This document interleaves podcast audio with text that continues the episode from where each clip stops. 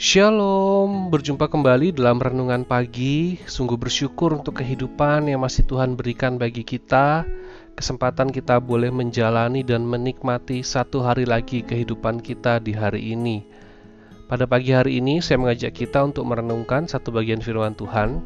Mari kita perhatikan dari kitab Yeremia pasal 18 ayat 1 sampai ayat yang ke-6. Yeremia pasal 18 ayat 1 sampai 6.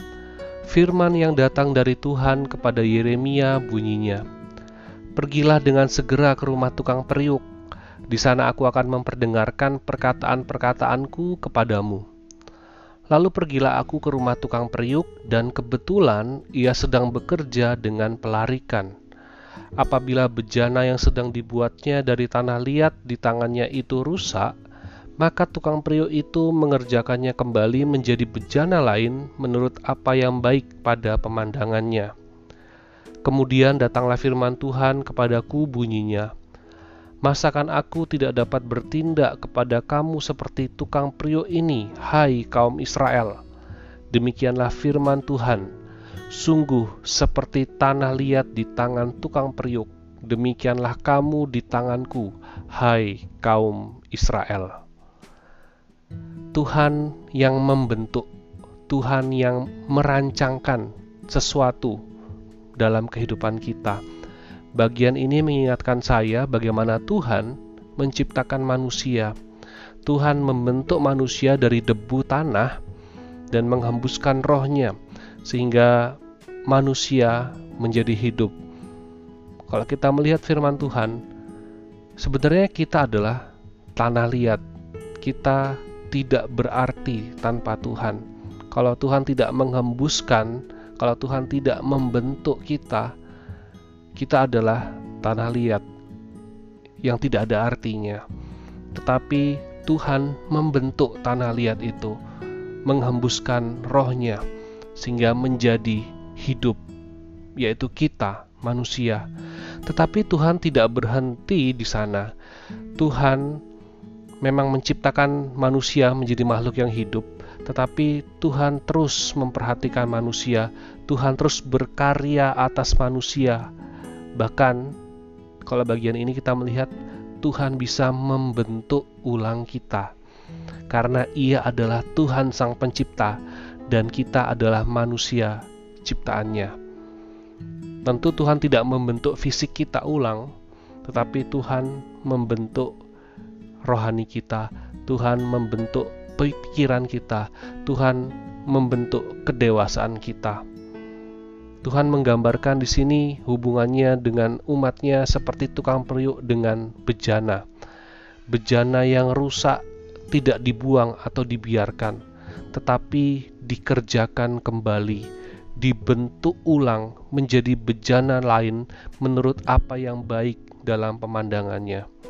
Itulah Allah kita, itulah Tuhan kita yang tidak pernah meninggalkan dan membiarkan kita rusak. Kita dibentuk ulang. Bejana yang rusak akan dibentuk ulang. Dibentuk ulang, dihancurkan, menjadi tidak berbentuk. Untuk dibentuk lagi menjadi sesuatu yang baik, menjadi sesuatu yang berguna, menjadi sesuatu yang sesuai dengan apa yang direncanakan oleh tukang periuk atau yang membuat bejana itu. Dihancurkan memang menyakitkan, tetapi inilah proses terbaik yang Allah lakukan untuk membentuk kita menjadi sesuatu yang berharga, yang bernilai tinggi, yang bermanfaat dan bermakna. Ada di dalam tangan Tuhan Tuhan tidak pernah meninggalkan kita. Kalau kita merasakan ada kesulitan, ada tantangan, ada sesuatu yang mungkin menghancurkan kehidupan kita, mari kita melihat akan tangan Tuhan yang sedang membentuk kita. Mari kita menyadari bahwa Tuhan tidak pernah meninggalkan kita. Bahkan itu adalah satu perhatian besar dari Tuhan kepada kita untuk kita menyadari tanpa Tuhan kita tidak berarti. Kita menyadari tanpa Tuhan kita tidak dapat berbuat apa-apa yang baik. Tanpa Tuhan, kita rusak dan binasa. Mari kita menyadari bahwa mungkin ada hal-hal yang keliru dalam pemikiran kita, mungkin ada hal-hal yang salah dalam kita bertindak, ada hal-hal yang perlu diperbaiki, dan mari kita melihat akan tangan Tuhan dan bagaimana Tuhan memberi tujuan baru dalam hidup kita. Di dalam Kristus, kita menemukan satu tujuan baru, bahwa kita tidak lagi mencari makna kehidupan, atau kita tidak mencari keselamatan, tetapi di dalam Kristus kita sudah mendapatkan keselamatan, sehingga kita tidak perlu lagi bingung kita tidak perlu lagi khawatir bagaimana kita akan mengakhiri kehidupan ini, tetapi di dalam Tuhan kita boleh melihat akan rencana baru yang Tuhan sediakan dalam kehidupan kita, dan mari kita berkarya di dalam anugerahnya. Kiranya firman Tuhan ini boleh menguatkan kita, mengingatkan kita untuk kita senantiasa menyadari ada tangan Tuhan yang tidak pernah meninggalkan kita, yang mungkin membentuk kita kembali untuk menjadikan kita sesuatu yang berharga untuk kemuliaan nama Tuhan. Mari kita berdoa. Kami bersyukur ya Tuhan untuk pemeliharaan Tuhan. Kami bersyukur untuk penyertaan Tuhan. Tuhan, Engkau begitu baik kami bersyukur Engkau tidak pernah meninggalkan kami, Engkau selalu ada untuk kami, bahkan Engkau mau membentuk kami, Engkau mau menggunakan kami, Engkau mau memakai kami untuk sesuatu yang indah.